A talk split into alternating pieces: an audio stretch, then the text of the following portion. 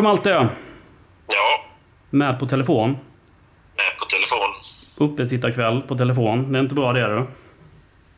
Men det är bättre än inget. Mm, det kan man ju säga. Det är någon covid-historia i din närhet där va? Eller hur var? Ja, karantän i väntan ifall om att. Men jag känner mig inte sjuk. Men man ska ju inte riskera något i dessa tider. Nej, så är det väl.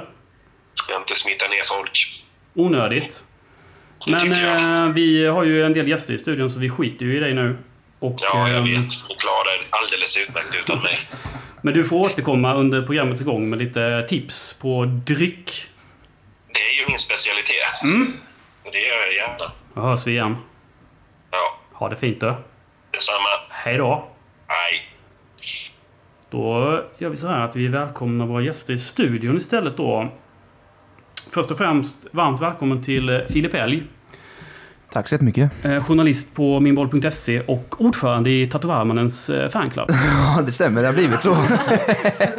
det blev så under hösten nu. Ja, Eh. Jag tog på mig den rollen. Ja, medvetet, självmedvetet vet jag inte faktiskt inte, men eh, ja, det är väl bara att rida vidare på det antar jag. ja, det tycker jag absolut eh, vi rider vidare på. Eh, välkommen till eh, Elin Svensson, Mm, tack så mycket. ny ordförande i Eastfront. Mm, stämmer bra. Vi ska strax prata mer om det. Eh, också välkommen till den gamla Eastfront-räven då, Tobias Singo Krobi. Äldst och sist, ja det gör jag. Hej! Mm. Det här blir nog ett bra gäng för uppesittarkväll. Vi har ju en hel del eh, delar eh, som vi ska gå igenom. Vi ska börja med del 1 och det är Eastfront. Och eh, Elin, ny ordförande. Mm. Ja, eller efter året där då som kommer Mm. eh, för 2022. Tillsammans med din eh, vän då, Emma. Ja, Emma Berggren. Just det. Mm. Varför har du tagit på dig det här självmordsuppdraget? Ja, det kan man undra. Det undrar jag med. Mm. Eh, nej, men jag har varit lite involverad i styrelsen nu denna säsongen. Eh, Mm. Och så fick jag ju frågan nu och jag kände att det känns som en kul grej Mm. att göra. Kan behövas lite nytt blod. Mm. Eh, ja, no Ja. shit. Första gången faktiskt en kvinna är med i vår podd också, vilket är ganska pinsamt. Men vi har försökt kan jag säga då, till Mm. mitt försvar. Men eh, kul att du är här. Emma kunde inte vara med på grund av också lite covid-historia då. precis. Ja. Du, jag vet inte. mm, vi ska strax prata mer om eh, dina visioner. Mm. Men först tänkte jag att vi skulle ringa upp Rasmus Nilsson. Tjena! Nu är du live. Låter inte så entusiastisk. Hur är läget då? Ja. Hur är läget då? Det är åt helvete. Åt helvete, varför det? Nej, det är helt okej. Lite förkyld. Lite förkyld.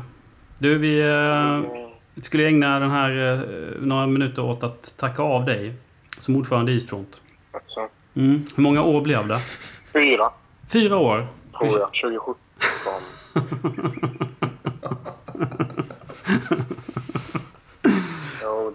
Ja. Ja, men två i covid-koma. Ja, så, nej, de, ja, just det. Ja, just, just det. Men Va? är det fem år? Är det fem år eller? Eller är det fyra år? Jag, jag, jag vet inte. Har, har du koll? Började du 2017 eller? Ja, det stämmer. Ja, då är det, fem, då är det fem, fem år ju. 17, 18, 19, Ja. 20, 21. Fem år blir det. Mm. Ja. Du, ordförande i Eastfront. Eh, Topp tre-lista på den. Eh, jag säger eh, bortapremiären Gais. Eh, och sen säger jag eh, Landskrona hemma 2019. Mm. Mycket bra. Och sen måste jag väl få med Falkenberg också. Mm. Det var ditt första år. Bortapremiären där. Ja, det stämmer. Ja, just det. Precis. Ja, det är bra. Två, tre bra grejer. Det får nog bli de tre. Och Ja. sen eh, Samhällsfonden också kanske. Alltså för att nämna den. Mm. Det, Just det. och så vidare. Mm. Den fick lite för lite uppmärksamhet i minboll.se. Ja. Mm. För lite uppmärksamhet överlag. Det var något annat som var samtidigt som fick orimligt mycket uppmärksamhet. ja, just det. Att vi släppte en ny Jag kommer låt. inte ihåg vad det var för det, var, det var vår nya Eastfront-låt.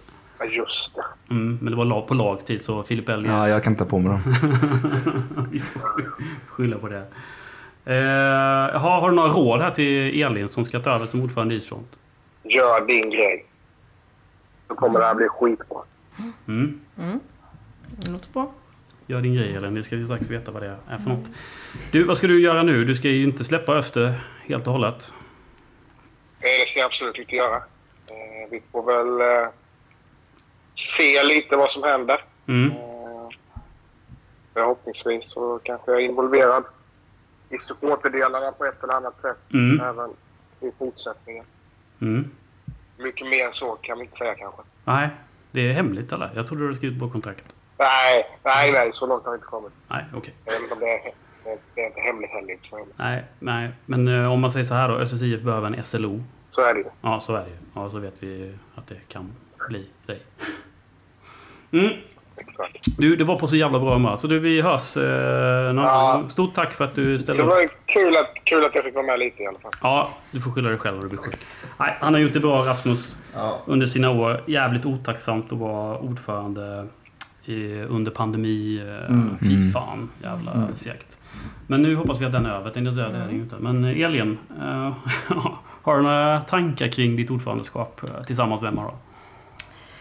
Jag vet inte riktigt faktiskt. Nej. Eh, Vi har ju haft lite möten med Öster redan nu ju. Mm. Eh, Det känns ju som att får vi till ett bra samarbete däremellan så Mm. kan det nog bli ganska bra tror jag. Mm. Eh, Locka lite mer publik Ja. är väl det största målet. Mm. Få till den, biten. Att vi blir fler. Mm. Du, vad tänker du? Den klyschigaste frågan men måste ställa eh, superjournalisterna här. Det här med att locka mer kvinnor till, Mm. till, till Eastfront, det har vi, det har vi ju misslyckats med. ja, absolut. Eh, Så hur gör man en sån grej tror jag? Du blev ju ändå ordförande här. Hur lyckades... det var nog inte så mycket bra det men, Nej, men generellt tror du? det är jättesvårt att säga. Mm. Eh, men jag har ju funderat lite på att eh, Öster i samhället har ju tjejkvällar och sånt. Mm. Och då tänker jag att jag och Emma kan ju vara med där och visa att vi två tjejer kan vara där liksom. Gå på fotboll. Och Mm. då kan ju de också följa med och gå på fotboll. Mm. Det är inte bara gamla gubbar som går på fotboll.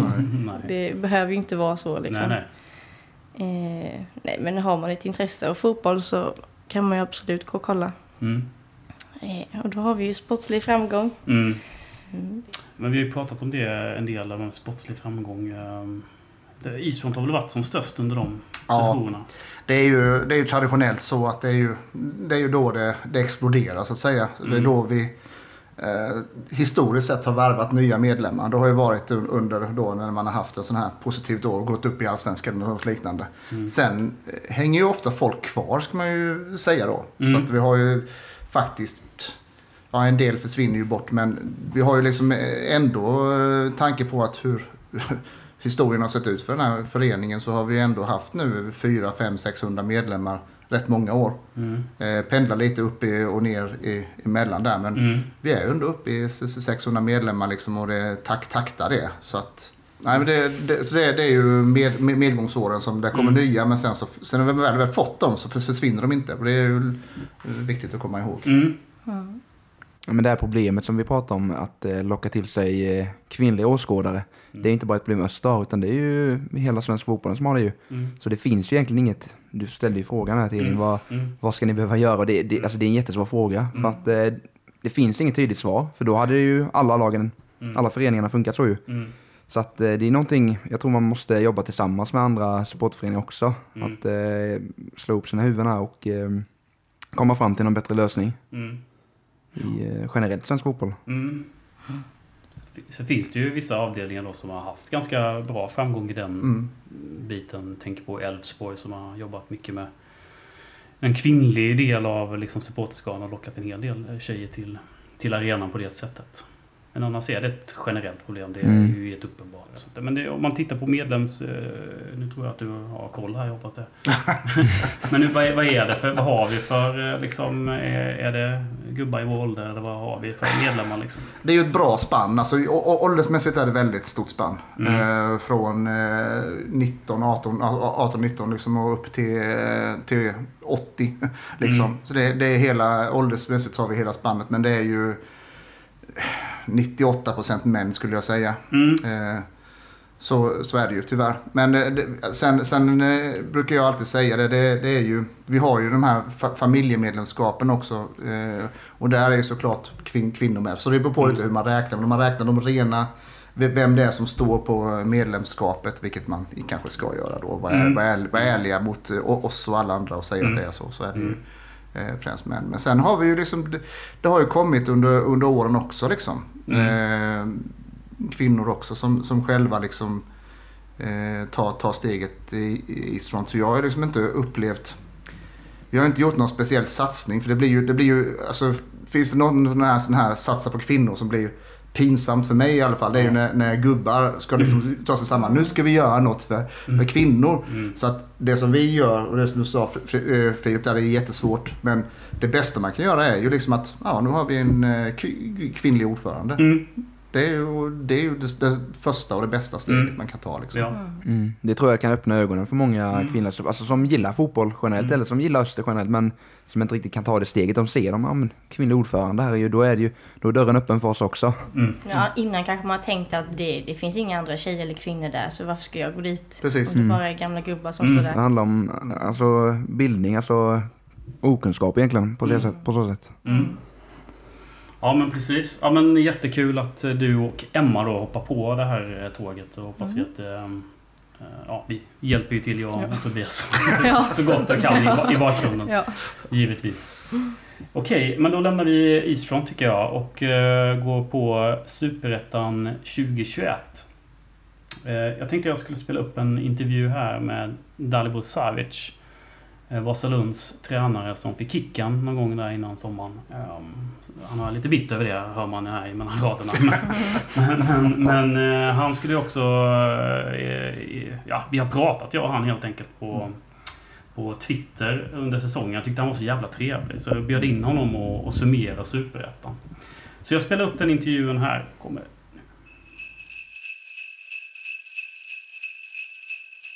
Ja, hallå? Tjena Dali! Tjena! Tjena, hur är läget? Ja, men det är fint. Hur mår du?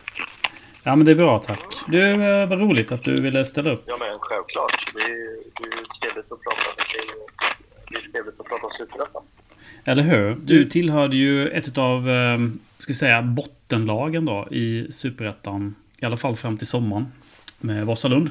Vad, vad hände? Eh, ja, det stämmer. Jag fick leda laget tio omgångar eh, i Superettan och eh, fick lämna mitt uppdrag där eh, första matchen efter sommaruppehållet, Örgryte borta. Det, det, det hände många saker på vägen och vi var inte riktigt överens och eh, de uppfyllde väl inte det de hade lovat. Eh, så att jag satte hårt mot hårt när sommaren kom och så kom vi överens om att eh, jag inte kan betala det här laget längre utan att jag ville eh, värva lite mer spelare för att ge oss en riktig chans för att hänga kvar. Men då kände klubben att då tar vi in en tränare som kan skruva ännu mer med de spelarna vi har och försöker rädda kontraktet då. Just det. Men ska vi börja i den änden då av Superettan? Eh, bottenänden så att säga. För att Vasalund, eh, oavsett om de bytte tränare där, åker ju ändå tillsammans med Falkenberg direkt. Och sen även då kvalet då. Men vi kanske kan börja med de två bottenlagen då. Vad, vad är din Ja, men analys? det kan vi göra. Eh, Vasalund var ju ändå tippade av media och experter att vi kanske skulle tillhöra de regionerna. Men jag hade en tro på, på mig själv och på de spelarna vi hade att vi kunde göra ett, ett hyfsat bra jobb. Men, men vi ins, eller jag insåg ganska snabbt att vi behöver förstärkningar för att kunna hävda oss över 30 omgångar. Eh, men förväntat att Vasalund åker ut, ja, det- är det väl ändå i slutändan att fullt rättvist att de åker ut. Eh, och Falkenberg är ju en chock att de liksom klappar ihop och, och går raka vägen ur superettan. Men tittar man på tabellen så har ju de gjort minst mål, släppt in flest mål och, och minst antal segrar. Så att, ja, tabellen ljuger aldrig. Nej, men eh, just det. Precis. Men det här med att gå upp från division 1 norra. Det är många lag eh, från division 1-serien som ändå har lyckats i Superettan. Varför når inte Vasalund ända fram, tror du? Nej, men jag tror att om man tittar på Landskrona och Värnamo så gissar jag att de har bättre förutsättningar än vad vi har och då tänker jag på faciliteter. Vi hade halvplan tre till fyra dagar i veckan och vi skulle förbereda oss för matcher i Superettan och eh, alla våra spelare jobbade på sidan om och tränade på kvällstid. Så att jag tror att förutsättningarna var mycket, mycket sämre i Vasalund än till exempel Värnamo och Landskrona. Ja, jag minns när vi pratade inför eh, Öster eh, Vasalund där då, att ja, ni hade inte så mycket dagar i Solna va? Träningstider. Nej, det, det hade vi inte. Eh, själva vintern så var vi ju mycket inomhus i en, i en sån här eh, idrottshall eftersom den låg under snö och det var väldigt kallt. Och sen de tiderna vi hade på eh, elvamannaplanen så delade vi dem med AIK dam och med AIK ungdom. Så att väldigt få tillfällen med med helplan, men det är ingen ursäkt. Vi försökte göra ett bra jobb och vi Mm. tränade killarna utifrån de resurser vi hade. Men ska man hävda sig i superettan så måste faciliteterna och möjligheterna att, att få chansen att träna på det man ska eh, snäppas upp rejält. Om vi eh, tittar lite på Falkenberg, du var inne på det, det är en chock, det är det ju. Men det är inte första gången ett lag från Allsvenskan åker rätt ur Superettan. Östra har gjort det inte mindre än två gånger och BP har också gjort det. Va- va- Vad, Ja. vad säger det om Superettan? Eller vad säger det liksom om... eh, Ja, jag vet Nej, inte. men det, man- det man kan säga om superettan är att det levde ju över 30 omgångar, Mm. både toppen och botten.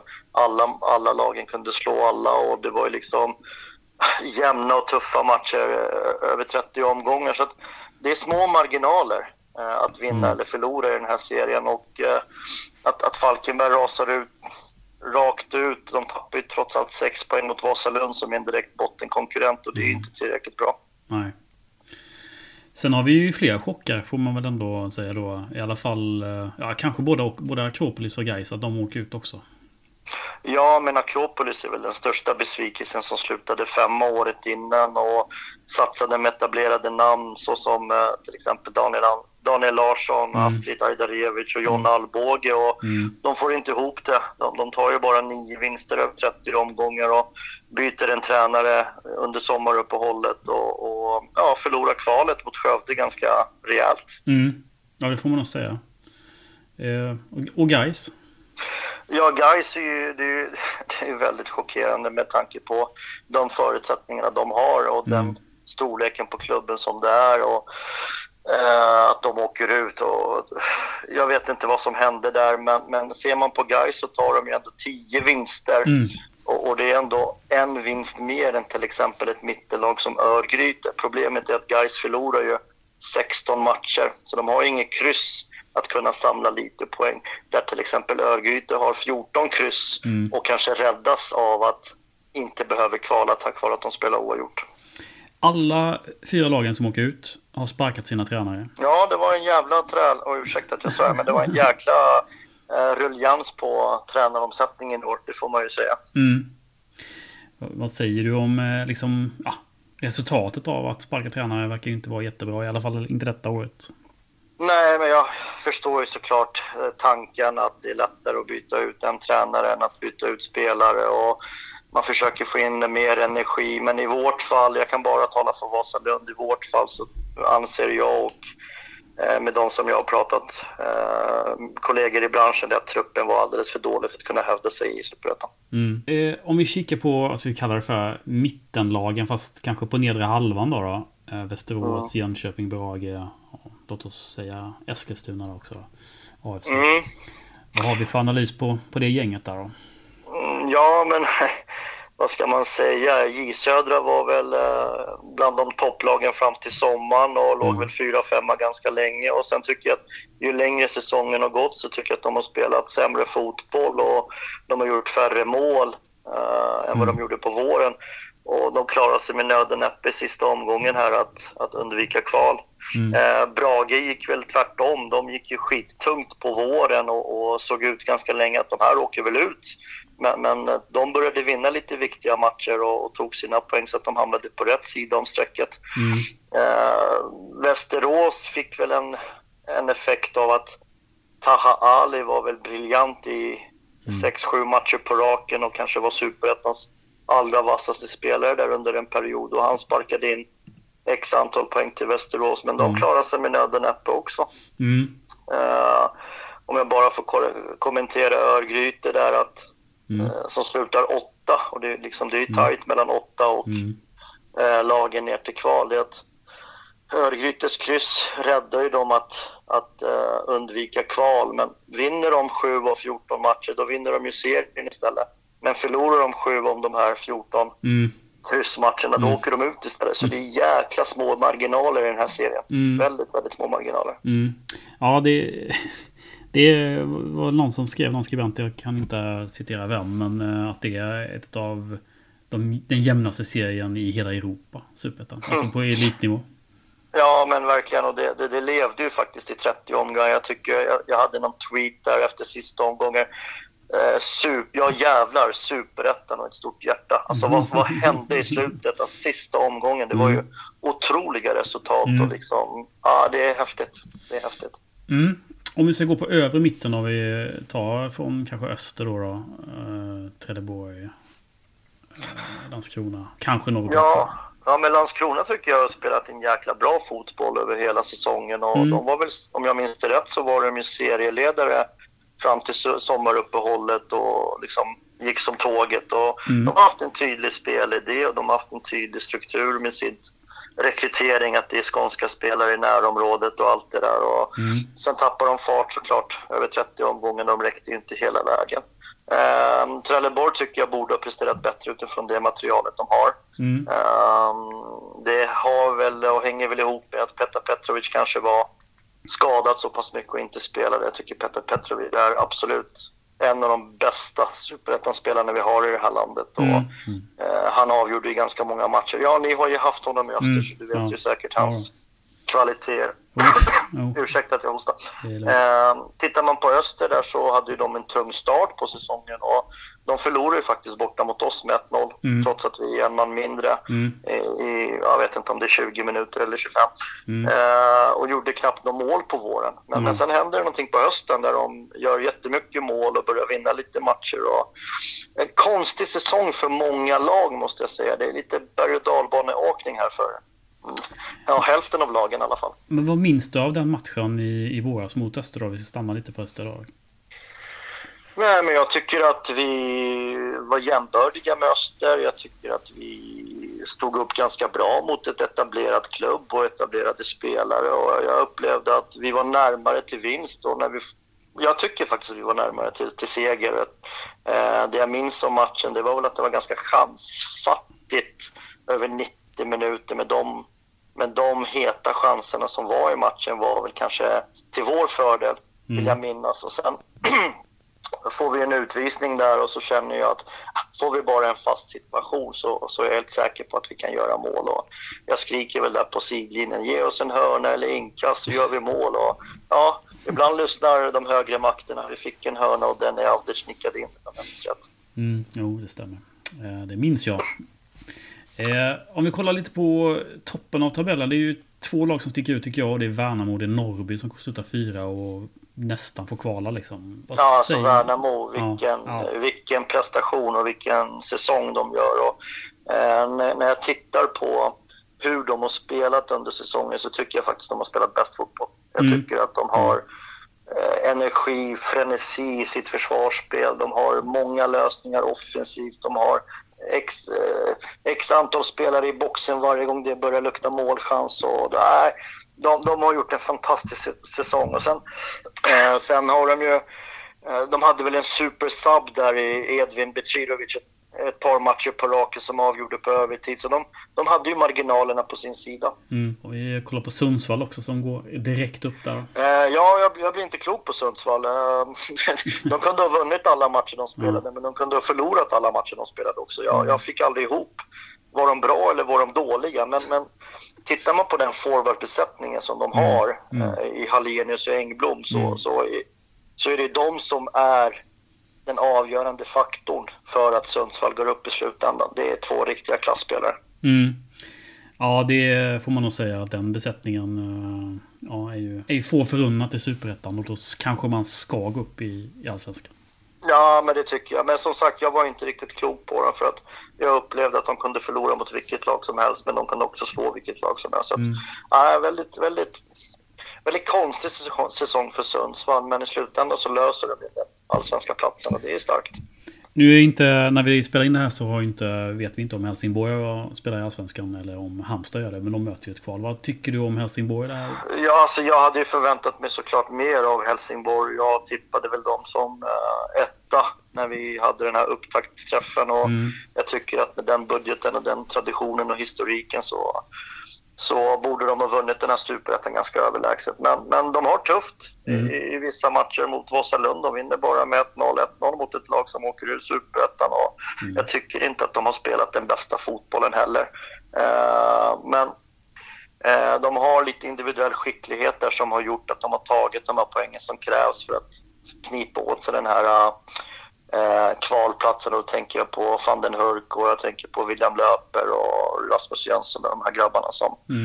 som sticker ut lite grann i det laget. Men, men som kollektiv så tycker jag inte att de har spelat den bästa fotbollen. Det, det tycker jag absolut inte. De borde ha presterat bättre. Eh, Jag håller med och det tror jag många gör, även i Helsingborg. Men du, ett annat överraskningslag i år är ju Norrby. Ja, verkligen. Eh, vad, vad är din analys av, av det gänget? Nej, men alltså, vi, vi upplevde inte dem, eller jag upplevde inte dem att de spelade någon bra fotboll, men det var väldigt organiserat, det var väldigt strukturerat, eh, de var tunga att möta, de var kollektivt väldigt samspelta i sitt försvarsspel. Eh, de la ju mycket vikt också på fasta situationer med långa inkast och frisparkar och hörnor. Och sen hade de ju en stekhet, eh, Dijan Vukojevic, som eh, ah, gjorde mål i stort sett på vad som helst eh, under den här säsongen. Jag är jätteimponerad över Norrbys eh, säsong, men det är klart att jag tycker inte att det hade räckt för att ta någon av de här tre platserna med tanke på den fotbollen overall alltså, var inte tillräckligt bra, eller i min smak. Nej. Du, eh, nu var du ändå tränare i, i Superettan ett, ett tag i alla fall och fick din eh, första erfarenhet av alltså vara huvudtränare då på, den, på elitnivå. Om du skulle gå in i en klubb igen i Superettan, hur skulle du eh, resonera då? Hur skulle du tänka då? Det är klart att man, det är ju läropengar. Alla uppdrag som man har och all erfarenhet man får av de uppdragen. Det är klart att man tar, tar med sig dem till nästkommande uppdrag och man känner ju att man är något bättre och något vassare när man får chansen nästa gång i nästa klubb, i nästa miljö. Så att jag, har, jag har många tankar och idéer på hur jag ska göra, men den viktigaste läropengen är att eh, gå i döden för din spelidé eh, varje dag, varje match och inte börja fundera på att att kanske som vi, eller som jag tänkte och blev lite påverkad kanske av, av eh, människor i klubben att vi skulle backa hem och parkera lite bussen. Det är Mm. inte jag, det är inte den fotbollen jag står för. Så hellre fortsätta med min idé och gå i döden för den och, och få sparken på det sättet än att börja vackla, vackla och börja te- byta bana. Liksom. Så det är den Mm. största läropengen som jag, Mm. som jag kommer ta, ta med mig. Och sen ja, kravställningen. Mm. Eh, kravställningen när man kommer till en ny klubb. Man har ett nytt blad man kan skriva. Att man kan vara mycket tuffare, mycket rakare ehm, och, och ställa högre krav på spelare som är professionella och har det som yrke. Att det här gäller. I Vasalund var ju det svårt eftersom det var ju semiprofessionella spelare att, att kunna ställa de kraven som jag egentligen ville ställa.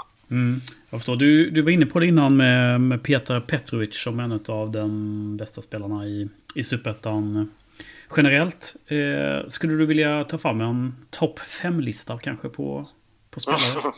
jag, kan, jag kan göra ett försök så får Mm. vi se vad vi får för synpunkter. Då. Mm. Ja, Det, fin- det finns ju såklart många, många, många bra fotbollsspelare i Superettan och man tycker om olika kvaliteter på, på de spelarna som besitter antingen offensiva eller defensiva. Men jag gör ett försök här på en topp 5-lista Mm. eh, utifrån de spelare som vi har mött och ja, de prestationer de har stött, stått för. Vill du börja med femman eller vill du börja med ettan? Ja, vi börjar med femman. Med femman. Mm. Eh, jag måste säga Helsingborgs William Löper. Mm. Eh, en fantastiskt bra säsong. En jättebra fotbollsspelare, en bra karaktär. Han var faktiskt och tränade med oss hela försäsongen innan han skrev på för, för Helsingborg. Och, och jag Mhm. hoppades att han skulle landa hos oss. Men, men där, såg man, där såg man ju hans kvaliteter i tillslag och eh, uh, assist, inlägg, inspel och ta sig förbi sin motståndare. Och jag tycker att han har verkligen varit en av eh, Helsingborgs bästa spelare under säsongen. Du, jag måste bara få en följdfråga då. Eh, utifrån var Barcelona hamnade. Tror du att en spelare som löper, eller låt oss säga löper eller Petrovic. Är det så, så viktigt att ha liksom, den kvaliteten i termer av att det kan betyda nästan topp eller botten? Absolut, absolut. I och med att de här matcherna är så tajta och det skiljer så lite mellan lagen. De, här små, de här spetsspelarna som är bäst på någonting eller något bättre än de andra. De gör den här skillnaden. Mm. Eh, och det var egentligen det jag ville att vi skulle plocka in här under sommaruppehållet för att Mm. kunna hänga kvar i den här serien. Eh, men, men jag fick inte min vilja igenom och då, då skildes vi. Mm. Jag förstår. Eh, fyra? Ja, nummer fyra, Dijan Vukojevic, eh, har ju burit Norrby på sina axlar tillsammans med några andra spelare. Men han sticker ju verkligen ut med, med sitt målsinne och sin kraft och, och hela den biten. Så att jag tycker Dijan ska tillhöra topp fem i Superettan. Mm. Nummer tre? Nummer tre, eh, Aydin Zeljkovic, Örgryte IS, inget snack om saken. Han eh, har väl gjort mer än hälften av alla mål eh, som Örgryte har gjort och frågan är vad hade Örgryte varit utan Aydin? Eh, en fantastiskt bra spelare, en mot en, bra näsa för målet, avslutar med höger, vänster fot, frisparksskytt. En bra kille har ju omställningar och har, har slagit igenom med dunder och brak i år. Mm, ja men verkligen. Det är intressant att du nästan sätter den på tredje plats. Eh, Det, skulle, Mm. du, det blir ännu intressant att höra andra och första platsen då. Börja med andra. Eh, nummer två, en skadefri spelare. Petar Petrovic. Mm. Eh, jag tycker han är överlägsen i superettan vad det gäller att slå sin motståndare. Eh, vad det gäller att komma till avslut, skapa poäng, skapa målchanser. Eh, en skadefri Petar Petrovic hade varit en etta på den här listan Mm. och jag tycker han är alldeles för bra för superettan Mm. eh, när han är hel och frisk. Mm. Han har ju tyvärr blivit skadad igen. Synd om honom. Ja, jag hörde det. Det var väl någon korsband eller något Ja. sådär. Ja, det är synd om honom. Ja. Jag hade faktiskt Petter i Brommapojkarna när vi var där tillsammans. Så Mm. jag har gott öga till honom. Ja, jag förstår det. Ja, nu vill vi höra nummer ett då. Nummer ett. Eh, det finns bara en Linus Hallenius. Jag tycker han är överjävligt bra. Han är stor och stark. Han är djupledsgående. Han är targetspelare. Han har gjort viktiga mål för Sundsvall. Han har spelat på en nivå som ingen annan kanske av de här killarna som jag har nämnt på min lista. Eh, jag tycker att Linus är fantastiskt bra fotbollsspelare och en värdig etta på min lista. Mm. Ja, kul. Intressant. Om du skulle ta fram eh, årets överraskning i Superettan, vad skulle det vara? Ja, alltså det finns ju både positiva överraskningar och negativa överraskningar. Mm. Mm. Mm. Eh, vi med de positiva? Med, med de positiva Mm. så är det ju Värnamo, absolut Värnamo. Mm. Eh, det de har gjort, eh, att gå från division 1, jag tror de kom tvåa, nej vann de division 1? De vann division 1 förra året Ja, och så gjorde de. vinner Mm. de superettan. Mm. De blir tippade över hela fotbollssverige att, att liksom kanske hamna på kvalplats eller åka ut. Och, släppt in minst mål, eh, vunnit flest matcher. Mm. Eh, fantastiska fotbollsspelare, bra, bra eh, fotbolls, vad heter det? bra fotbollsfilosofi av Mm. Robin och eh, Mm. Jonas där. Mm. Eh, jag tycker de har, de har lyckats få killarna på sin sida, de har lyckats vinna rätt matcher. Så att, eh, ja, ja, nej, det, det, det är dumt att säga någonting annat än IFK Värnamo tycker jag. Eh, när du eh, tog din lista nu på spelarna topp 5 så var ingen spelare från Värnamo med va? Nej, men det kanske handlar om min okunskap att jag inte Nej, har nej. så koll på dem. Nej, men jag, tänk, jag tänker så här att det kanske också säger en del om eh, hur viktigt kollektivet är i, i den här serien. Ja, men absolut. Alltså, de har ju fått allting att stämma till 100 procent och jag tycker de har varit tydliga i sin spelidé, både offensivt och defensivt. Och, ja, de har gjort ett jäkla bra jobb där. De blev ju till och med årets tränare där i Superettan Mm. också, Robin och Jonas. Mm. att, eh, nej, de är välförtjänta att vara den största och positiva överraskningen i Superettan. Om vi tittar på något negativt då. Eh, Ja, men det, vi har ju pratat om dem. Mm. Det, det är ju de här guys, Akropolis och Falkenberg. Det är ju, Mm. Det, det, det är hemskt, men det, det är några som måste åka ut. Men det, det är hemskt att det är fyra superettan-lag som åker ut årets serie. Alltså Mm. två som åker ut direkt och två som kvalar sig ur. mm. Eh, vilket gör att det är fyra stycken division 1-lag nästa år i superettan. Mm. Eh, om den blir bättre eller sämre, det återstår att se. Men, men det, det är tragiskt att en sån fin förening som till exempel Gais då eh, ska spela division 1 södra. Du, jag, får, jag får, blir liksom inte riktigt klok på den då. Jag vet inte, din analys kanske kan förklara det. Men just det här med att Värnamo å ena sidan vinner då Superettan från division 1. Och höjer kvaliteten på Superettan. Och Landskrona också med, med Billy och, och gänget där. Mm. Eh, och, och, å andra sidan så kan det bli jät, vara jättesvårt för division 1-lagen att etablera sig i Superettan då va. Jag blir liksom inte riktigt klok på hur bra division 1 södra och division 1 norra är. Du har ju en del koll på, på division 1 norra, um, tänker jag. Uh, är, hur är kvaliteten om du jämför nu? Du, du har varit en del år där i, i division 1 norra. Jämför. Ja, men alltså division 1 norra så har du ju, jag skulle säga att du har en tre, fyra lag som är riktigt jäkla bra. Alltså riktigt bra. Du har ju Brommapojkarna, du har mm. Dalkurd och när vi spelade så var det ju Vasalund och um, ja, eh, Sandviken eller, eller Karlstad till exempel. Mm. De, de är ju riktigt bra. Mm. Eh, och sen har du liksom det här me mellanskiktet, de här sex, sju lagen som kommer där under.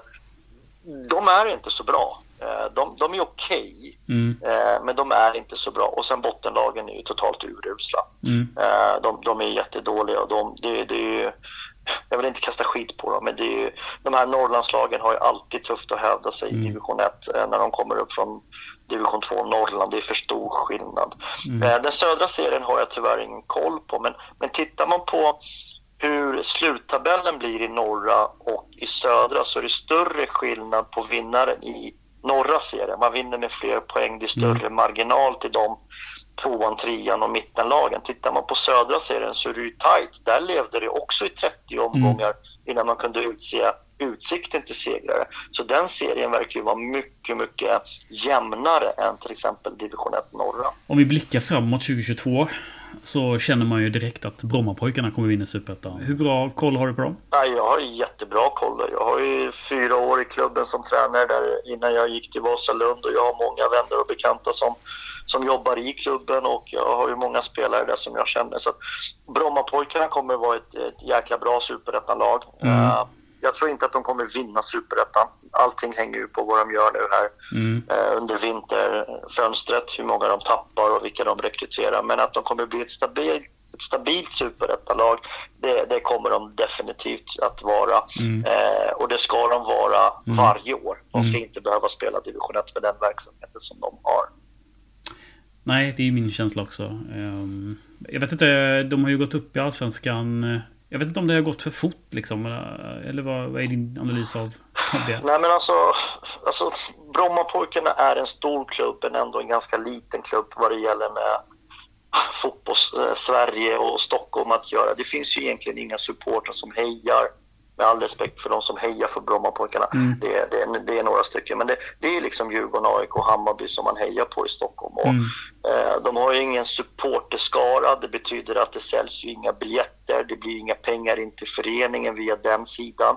Sponsorerna vill ju inte sponsra en klubb som inte har tillräckligt många supportrar, vilket gör att ju mindre pengar in till klubben, ju mindre pengar kan du betala till bra spelare och då blir liksom verksamheten därefter. Det är därför Brommapojkarna måste sälja sina bästa spelare eh, och de kommer ha jättesvårt att hävda sig i allsvenskan. Jag tycker att Brommapojkarna skulle må bra av att ligga i superettan år ut och år in. Mm. Låta de här unga killarna spela, eh, för de är uppenbarligen jäkligt bra på att utveckla och utbilda talanger. Mm. Eh, och, och, och, det är klart att någon gång ibland kommer man gå upp till allsvenskan, men att etablera sig i allsvenskan, det tror jag aldrig Brommapojkarna kommer göra.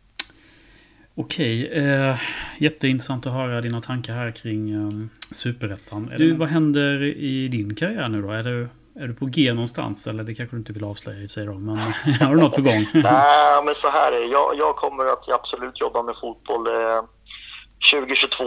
Mm. Eh, och eh, det har ingen skarp fråga från en SEF-klubb, det vill säga allsvenska superettan ännu.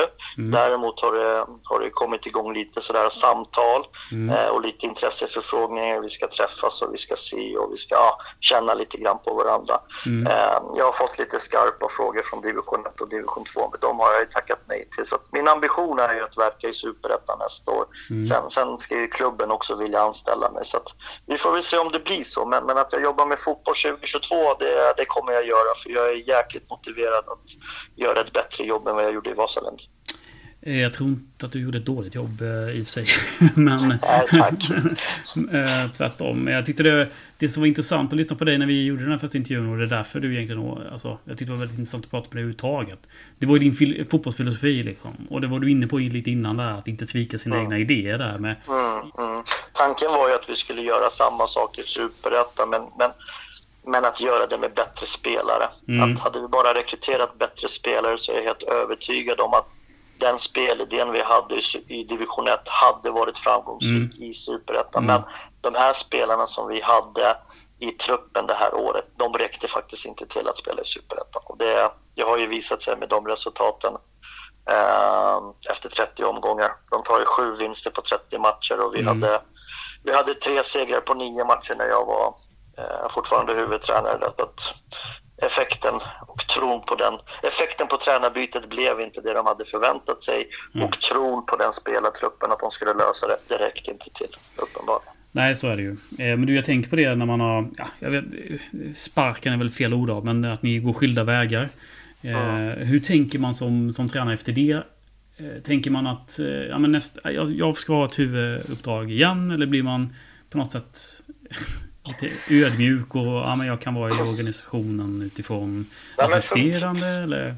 Ja men absolut, för mig är det viktigast att få jobba med fotboll. Jag älskar ju fotboll och jag har ju gjort det de senaste 18 åren på heltid. Och jag, är en, jag är en fotbollsmänniska, en fotbollsarbetare. Det, det, det, spelar inte så, ja, det är klart att det spelar roll om man är huvudtränare eller assisterande tränare, men jag inser ju också vilka möjligheter jag skulle kunna få. Jag tycker att superettan är en, ett huvudtränaruppdrag för mig. Det, det behärskar jag, det klarar jag av och det skulle jag kunna göra ett jävla bra jobb. Sen är det klart allsvenskan, ja, jag har liten erfarenhet av allsvenskan efter ett halvår med Brommapojkarna där och det är klart att en klubb ger inte kanske mig chansen att vara huvudtränare där. Men att då få vara assisterande i allsvenskan, ja men det är väl klart att jag skulle hoppa på det också för att jag vill ändå jobba med fotboll på så hög nivå som möjligt. Och Ingen prestige i att man måste vara chefstränare ända in tills man dör utan det är det viktigaste att jobba med fotboll. Mm. Du, jag önskar dig eh, lycka till. Ja men stort tack och fantastiskt roligt att jag fick vara med i er fina podd. Ja, den är, den är magisk den här podden. Ja. Du, eh, så här vid jultid så önskar jag dig eh, god jul och gott nytt år också. Ja men detsamma till dig och till dina lyssnare. Absolut. Stort tack. Tack så du ha, ha det gott. Yes, det där var Dalbo Savic som eh, pratade lite om Superettan 2021. Spontana kommentarer. Jag tycker väl han har en ganska sund och bra eh, överblick av Superettan. Eh, det, är inte, så- alltså det behöver inte alltid vara så självklart bara för att man tränar ett lag, utan då är det ju oftast att du ska främst fokus på, på di, dina spelare. Men han, han jag tycker han har en bra överblick på de övriga lagen och vilka som är toppspelarna. Mm. Ja, jag kan fortsätta då. Eh, nej men så säga, vi- vilken skön eh, snubbe eh, mest. Det var väl det, det jag förstår. Jag förstår att vi gillar honom. Det var ju, eh, nej, jag, jag, kan bara hålla med. Jag liksom, det är ju en... Eh, det är ju en speciell serie, så Superettan. Eh, alltså vi som har varit nu, nästa år så kommer vi ju vara den förening som har varit längst i Superettan. Flest säsonger i Superettan. Så vi, vi vet ju vad, det är, vad, den, vad den betyder så att säga. Mm. Eh, ja, jag tycker han summerar det, det bra faktiskt. Han nämnde, vad var det, den svåraste serien i Europa eller var det? Mm. Ja, Jämnaste. jämnaste. Jämnaste. Ja. Det kommer väl Ja. från eh, dig kanske? Är det det? Ja, jag tror det. Ja, det kanske jag har sagt någon gång. ja, men det, det, men det, det är sant i det han säger. Alltså, det är ju många som säger, alltid sagt att Superettan är Mm. väldigt jämnt. Och i år har ju verkligen inte varit ett undantag. Nej. Utan eh, mer eh, stärkt den eh, teorin och eh, om vi ska gå in lite på Öster sen så eh, det, det är väl ett bevis på ett kvitto på vad Öster har gjort här under hösten egentligen. Ja, ska vi ta det dit vi vill komma egentligen då? Öster säsong 2021 som jag eh, har väldigt svårt att greppa överhuvudtaget. Den är väldigt märklig på något sätt. Den har eh, en början och någon mitt som är oerhört konstig och sen ett slut som är i klass med 2012 typ. Vad säger vi? Spontana? Berg och dalbana. Berg och dalbana? säga. Mm. Ja, det är jättemärkligt som säger. Man brukar, det är en klyscha egentligen att man säger att en match eller en säsong är uppdelad i två halvor, men det här är ju verkligen det. Mm. Eh, att, eh, och det är, det är anmärkningsvärt att eh, man kan göra en så stark höst efter att varit så, inte usla med det kan jag säga, men gråa och trista under här våren. Mm. Att det kan vända så snabbt utan att ta in en ny tränare eller så, utan det är, sam, det är samma gäng. Mm. Jag säger bara en sak egentligen och det är, det är den här jävla Gais-matchen. matchen. Mm. Gais borta. Ja. Där, det, där och då så hände någonting när Mehic också blev skadad och försvann ur truppen egentligen. Mm. Och, eh, satte sig i sin lägenhet i, i Göteborg. Och, Mm.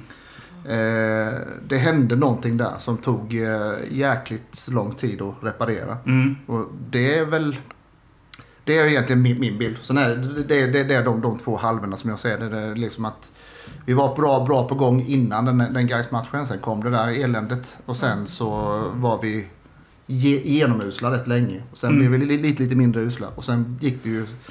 Så det var ju precis när man började känna att hoppet började som här fasen nu är det snart division 1 här liksom. Mm. Eh, Och då höjde de sig. Eh, kom de här eh, lå, lå, lå, lånen och det liksom började, de började leverera. Och, Mm. så att, nej, det var i gre, grevens tid. Ja, det var det. Men det här med sparka tränare verkar inte vara någon hit i Superettan. Nej. Alla lag som åker ut sparkar sina Mm. tränare. Och det Ja. som är nära åka ut gör också det. Alltså Västerås. Mm. Vi gör inte det. Vi Nej. kommer på femte plats till slut. Det är nyttig Det tycker jag var rätt också för att eh, titta, man, måste, man kan inte bara titta på resultatet och, och poängen. Alltså, det är klart man ska, det är en stor del, men man måste också titta hur ser spelet ut. Jag tycker Öster hade ett välfungerande försvar från start egentligen. Mm. Eh, när man fick in Mattias Nilsson i mål blev det ju Mm. bara ännu bättre. Eh, för Måns och John klickade ju ganska omgående Mm. i försvaret. Och det, det var svårt att argument för att få in Örnblom i startelvan ändå. Ja. Även om han tyckte, jag tyckte han höll en bra nivå året innan och under försäsongen. Mm. Eh, och, och anfallsspelet, helt okej ändå. Mm. Problemet kan ju vara att du inte kommer till några lägen. Det, det ser bara fattigt ut. Men här skapar man ju lägen gång på gång. Men det är ju ineffektivt. Främst, främst från Mårtensson under, under våren och sommaren. Så att då är det egentligen bara att gå och vänta på att det ska lossna. Att man ska Mm. bara mala på tycker jag. Så jag tycker att man gjorde helt rätt från början. Ja. Ja, Ja, sluta med det. tog ur hela... Men det var ju intressant. Du, du tyckte Mårtensen var mm, ineffektiv. Ja, men eh, ja, alltså sett till vad, vilka förväntningar man ska ha på honom. Mm. Eh, jag, jag tycker att det är en, jag tycker en fruktansvärt bra anfallare. Eh, och eh, tycker han alltså jag tycker aldrig under hela säsongen egentligen han har gjort en dålig match på det sättet. Och, utan, alltså han, han är alltid giftig i boxen. Mm. Och han, har- han hade ofantligt mycket nicklägen Mm. under sommaren. Men som såg lite tama ut, lite utanför, några räddningar här och där. Mm. Eh, mycket stolpe ut för honom. Jag tycker han ser exakt, ut som exakt samma spelare under Ja. hösten när han öser in sina mål. Mm. Eh, där förändrar han ju ingenting. Det är inte så att han börjar löpa annorlunda någonting. Och, och det är ju spelarna själva inne på ju. När Ja. man frågar om hemligheterna med dem, och det, då säger de nej men vi spelar på samma sätt. Det är väl att det är lite mer stolpe in och det låter kanske enkelt men det är sant också. Mm. Eh, Superettans bästa försvar. Får man nästan säga, eller? Absolut. Ja. Mm. Tatuvarmannen. Säger jag bara. ja, just det. Eh, Superettans sämsta offensiv, eller? Su- Superettans sämsta inlägg. Nej, det skulle inte vara så. Nej, det ska inte vara. men, men, men faktiskt, det kan man inte säga någonting annat om. Liksom. Och där ingår ju naturligtvis Start också i den eh, försvarslinjen. Ja. Nej men det är absolut och eh, främst är det väl Mattias eh, stabilt målvaktsspel Mm. eh, och som säger mittbackarna. Men, nej, men man kan inte bara säga att ja, det är bra försvarsspel, vi har bra fyrbackslinje. Mm. Utan det är ju det här blocket på mitten också, gör det Mm. jättebra. Mårtensen är jätteduktig Mm. försvarsspelare, yttrarna tar sitt jobb också. Så att man eh, försvarar inte bara med fyra, fem gubbar. Nej, så är det. Ehm, Tobias, eh, vi har en omröstning, årlig omröstning på Eastfront hemsida. Ja, precis. Det har vi. Vad är- heter den och vad är det? Det är ju, vi har ju en eh, tävling som heter Eastfront Trophy som har, eh, den är faktiskt nästan, den, den är bara ett år eh, yngre än Eastfront. Så den, Mm. 1993, Eastfront bildades 92. Mm. Eh, 93 så eh, började man ju hålla en, eh, ja, en poängbedömning varje, för spelare på varje match mellan 1 till 5 där 1 är, vä- är värdelös och 5 är bra. Då, sådär. Så på den tiden så var det ju liksom de som skrev Östernews som satte betyg. Men sedan 2001 så gör vi det på, på hemsidan. Så då alla egentligen som är registrerade eh, medlemmar är det ju i dagsläget eh, som, som kan gå in och rösta Mm. eh, på det här. Mm. Och eh, ska vi avslöja nu då vem Mm. det är som, som vinner. Och det är Ja. ju som vi var inne på, försvaret var ju eh, Su- Superettans bästa. Jag tycker nog faktiskt det också. Och den som vinner är ju John Stacey Stenberg då. Mm. Ganska låg eh, siffra då. Eh, Mm. ovan, det är 2,296. Mm. Det är alltså under 3 i snittbetyg. det, är inte, det är inte sådär Ingen jättesmickrande. Men eh, Två, tvåan är eh, också från back, back, backlinjen och, och Oliver C. Silverholt då. Mm. 2,84. Ja. Och trean är ju ja, Mattias Nilsson, vi fortsätter försvaret. Ja. Mm. 2,82. Fyran Måns Berg 2,81. Först på femte plats Niklas Mo Mårtensen då. Samma poäng nu just nu som, som Måns då, 2,281. Mm. Mm. Så att eh, det är försvaret är ju... Eh, Därav den kanske den låga siffran också eller? ja, Det känns som man tenderar att ge försvarare lite sämre betyg. tyvärr. så är det ju. Mhm. Så är det ju. Det är, det är ju sällan när man vinner en match så är det ju sällan försvaret man liksom eh, premierar. Utan det är liksom den som gjorde målet han får alltid Mm. en fyra eller femma liksom. Och, Just det. Mm.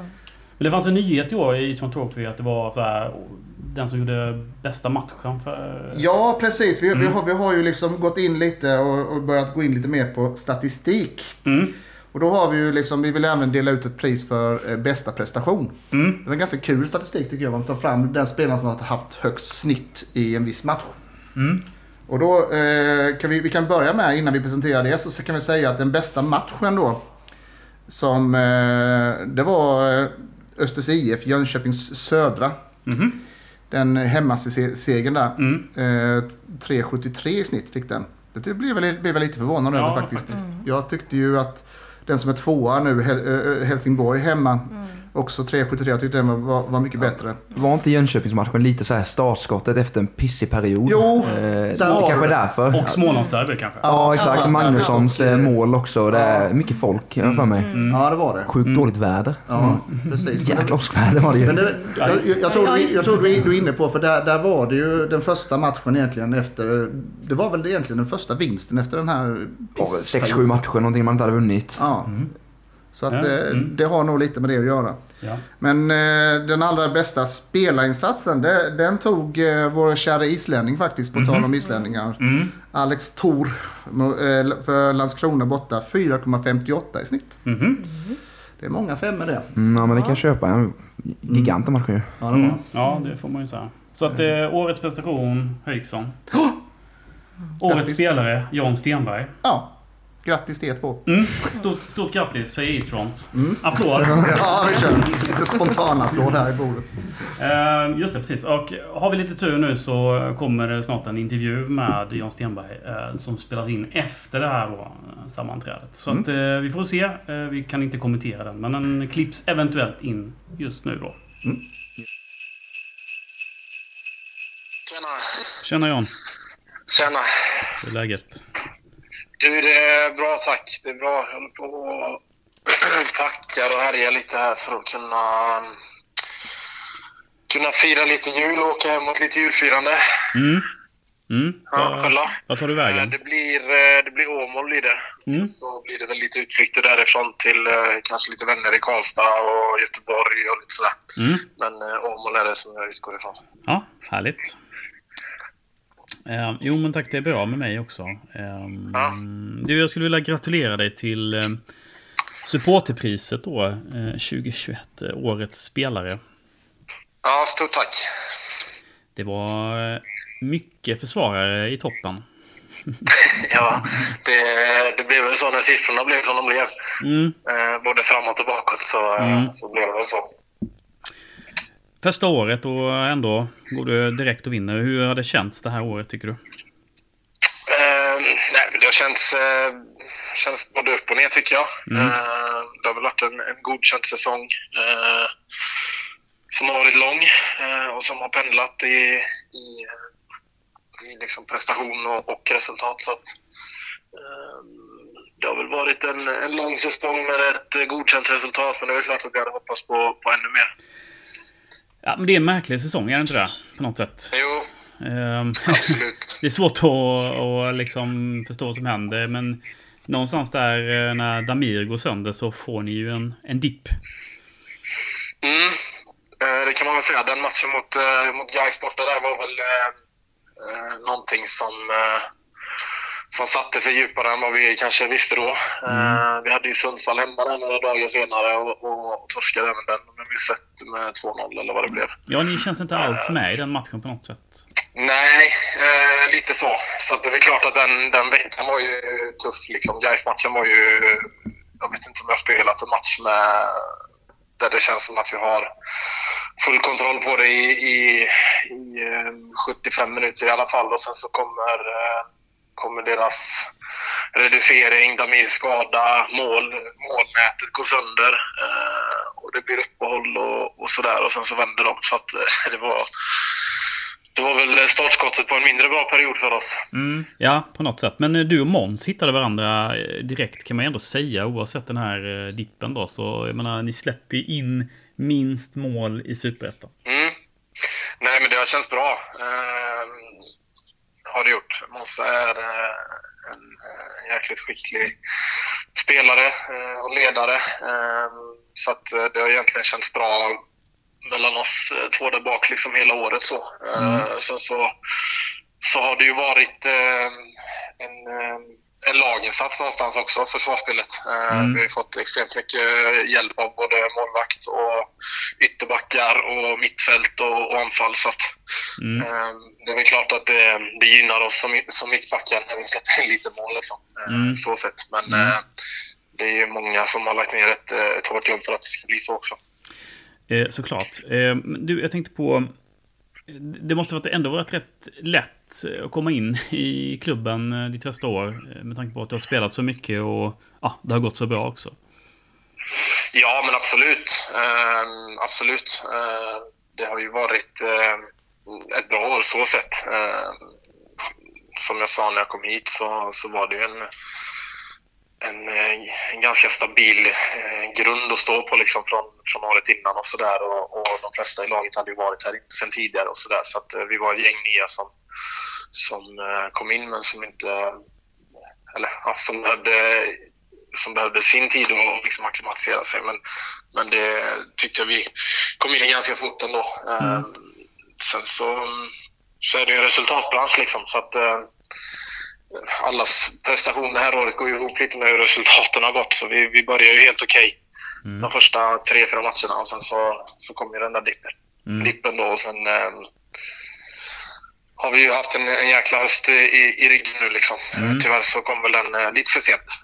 Ja, blev det 12 raka? Ja, det blev det va? 12 raka utan Mm. förlust tror jag. Ja. Eh, Något sånt. Det är, ju, det är ju riktigt fint att ha med sig i säsongen du. Men en annan sak jag tänker på. Det är ju det här med tränarbyte och sådär. Nu har ni ju vant er vid, ja, nu har du ju varit där ett år då. Men eh, vid Dennis sätt att, att tänka så här och nu ska ni kanske inte börja om, men ni ska få en ny tränare. Hur ser man som fotbollsspelare på det, alltså i gruppen då, att det kommer in ny, en ny tränare? Nej, men det är, det är ju någonstans en, en vanlig sak på, på den här nivån. Mm. Eh, att eh, saker och ting händer från säsong till säsong. Mm, Eh, jag trivs bra med Dennis och, och han har gjort ett jäkla, jäkla jobb liksom. Mm. Eh, och lagt ner mycket, mycket tid och energi och hjärta i, i det han har gjort och, och sådär. Eh, sen så är det fullt förståeligt men också tråkigt att han väljer att och, och, och liksom tappa ner för tillfället i alla fall. Mm. Eh, och sen så kommer det in någon ny och så får vi, får vi ta det därifrån. Försöka lära känna han och se vad han vill eh, göra och, och sådär. Och så får man, får man liksom ta det därifrån helt enkelt. Acceptera läget och, och, Mm. och göra det bästa utav det. Så det, kommer, eh, det tror jag kommer bli, kommer bli jättebra. Eh, Känner du till Sardjan eller Torbjörn sen tidigare? Det gör jag inte.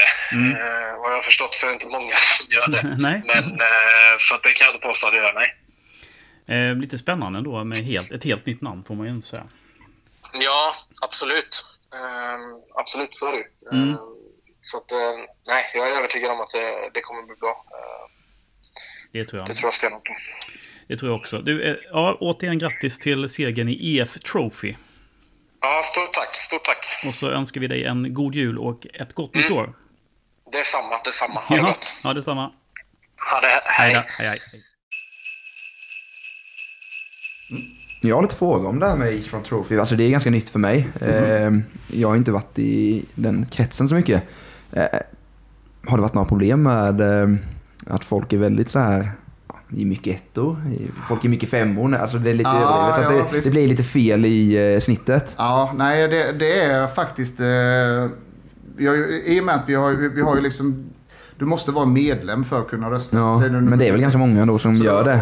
Ja, det, det är det faktiskt. Eh, men de som... Så det finns de som ger väldigt låga betyg och de som ger väldigt höga betyg. Så att Mm. det, det jämnar ut sig. Och så finns det de som är lite... Så att jag tycker att normalt så vi har inte haft några sådana här konstiga saker. Eh, den närmaste var ju då, jag kommer inte ihåg vilket år det var, jag tror det var 2005-2006. När Ma- Marcus Jonsson ledde ju mer eller mindre överlägset då i EF Trophy. Sen var det två matcher kvar. Då blev han klar för A- AIK. Eh, då eh, kan jag säga de sista två matcherna så var det rätt mycket taktikröstning så hans snitt sjönk, sjönk ganska drastiskt. så att eh, det, Helt slu- rätt. Men hur funkar det då? och, och, det, och, det, och det slutade med att faktiskt att Marco da, da Silva gi- gick om Ja, det var så. sista matchen. Men hur funkar det om en spelare gör väldigt få matcher? Och, men gör det väldigt bra Ja. på de här få matcherna? Precis, där har du en stor, en av de största debatterna som finns inom Eastern Trophy. Eh, för vi tänkte på det redan 2001 faktiskt att eh, det blir jättekonstigt om vi en spelare gör en match och gör en toppinsats. Ja. Ja, och så vinner han Eastern Trophy på det. För det ska ju vara ett, alltså, bästa spelaren under säsongen, är ju, det är ju sagt. Så vi har ett litet eh, system, system att man tappar 0,05 i snitt för varje ma- match man missar. ja. Så att har du missat då rätt många matcher så har du inte en teoretisk chans att vinna. Ja, du har det ju, men då måste du få i, i princip få 5,0. Eh, en, du kan inte spela en, en, en enstaka match och vinna i som trophy. Det är stat, statistiskt omöjligt. Är det någon spelare genom historien som vunnit eh, klart flest gånger? Alltså efter en säsong? I, Det finns någon som vunnit tre. ja, det är väl Niklas Persson. Det, det var ju på den tiden, alltså Liatorpan, det var på den tiden innan vi hade eh, medlemsomröstning. Alltså. Mhm. Eh, Så då, då var ju, på, på, på 90-talet var väl han den som eh, dunkade hem det mest gånger. Maja har vunnit Maja har gånger vunnit också några gånger. Men inte så. Jag tror att det är Niklas Persson fortfarande som har vunnit flest gånger. Mm.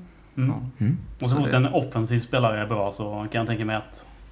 Ja, vi hade ju en och det var ju det var rätt många år i rad att den som vann Eastern Trophy försvann för nästa året efter. Mm. Så det var ju sån här eh, för, förbannelsepris. Lämna inte nu John. Nej, precis, exakt. Men det var, det var rätt många år sedan nu faktiskt. Eh, Jag tror det, ja, men det, det var någon sån där alla bara, "Nähä, jaha, nu, nu vinner han, nu försvinner han. Mm.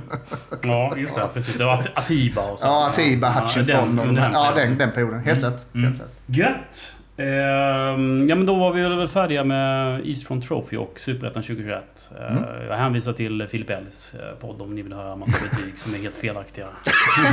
Ja, det finns bara ett betyg och det är ju, det är ju vad supportrarna tycker. Liksom. Exakt, Ja. precis. Bra, ja, men då tar vi en, eh, en paus här tycker jag. Du kommer få många gliringar. Ja, det räknar jag.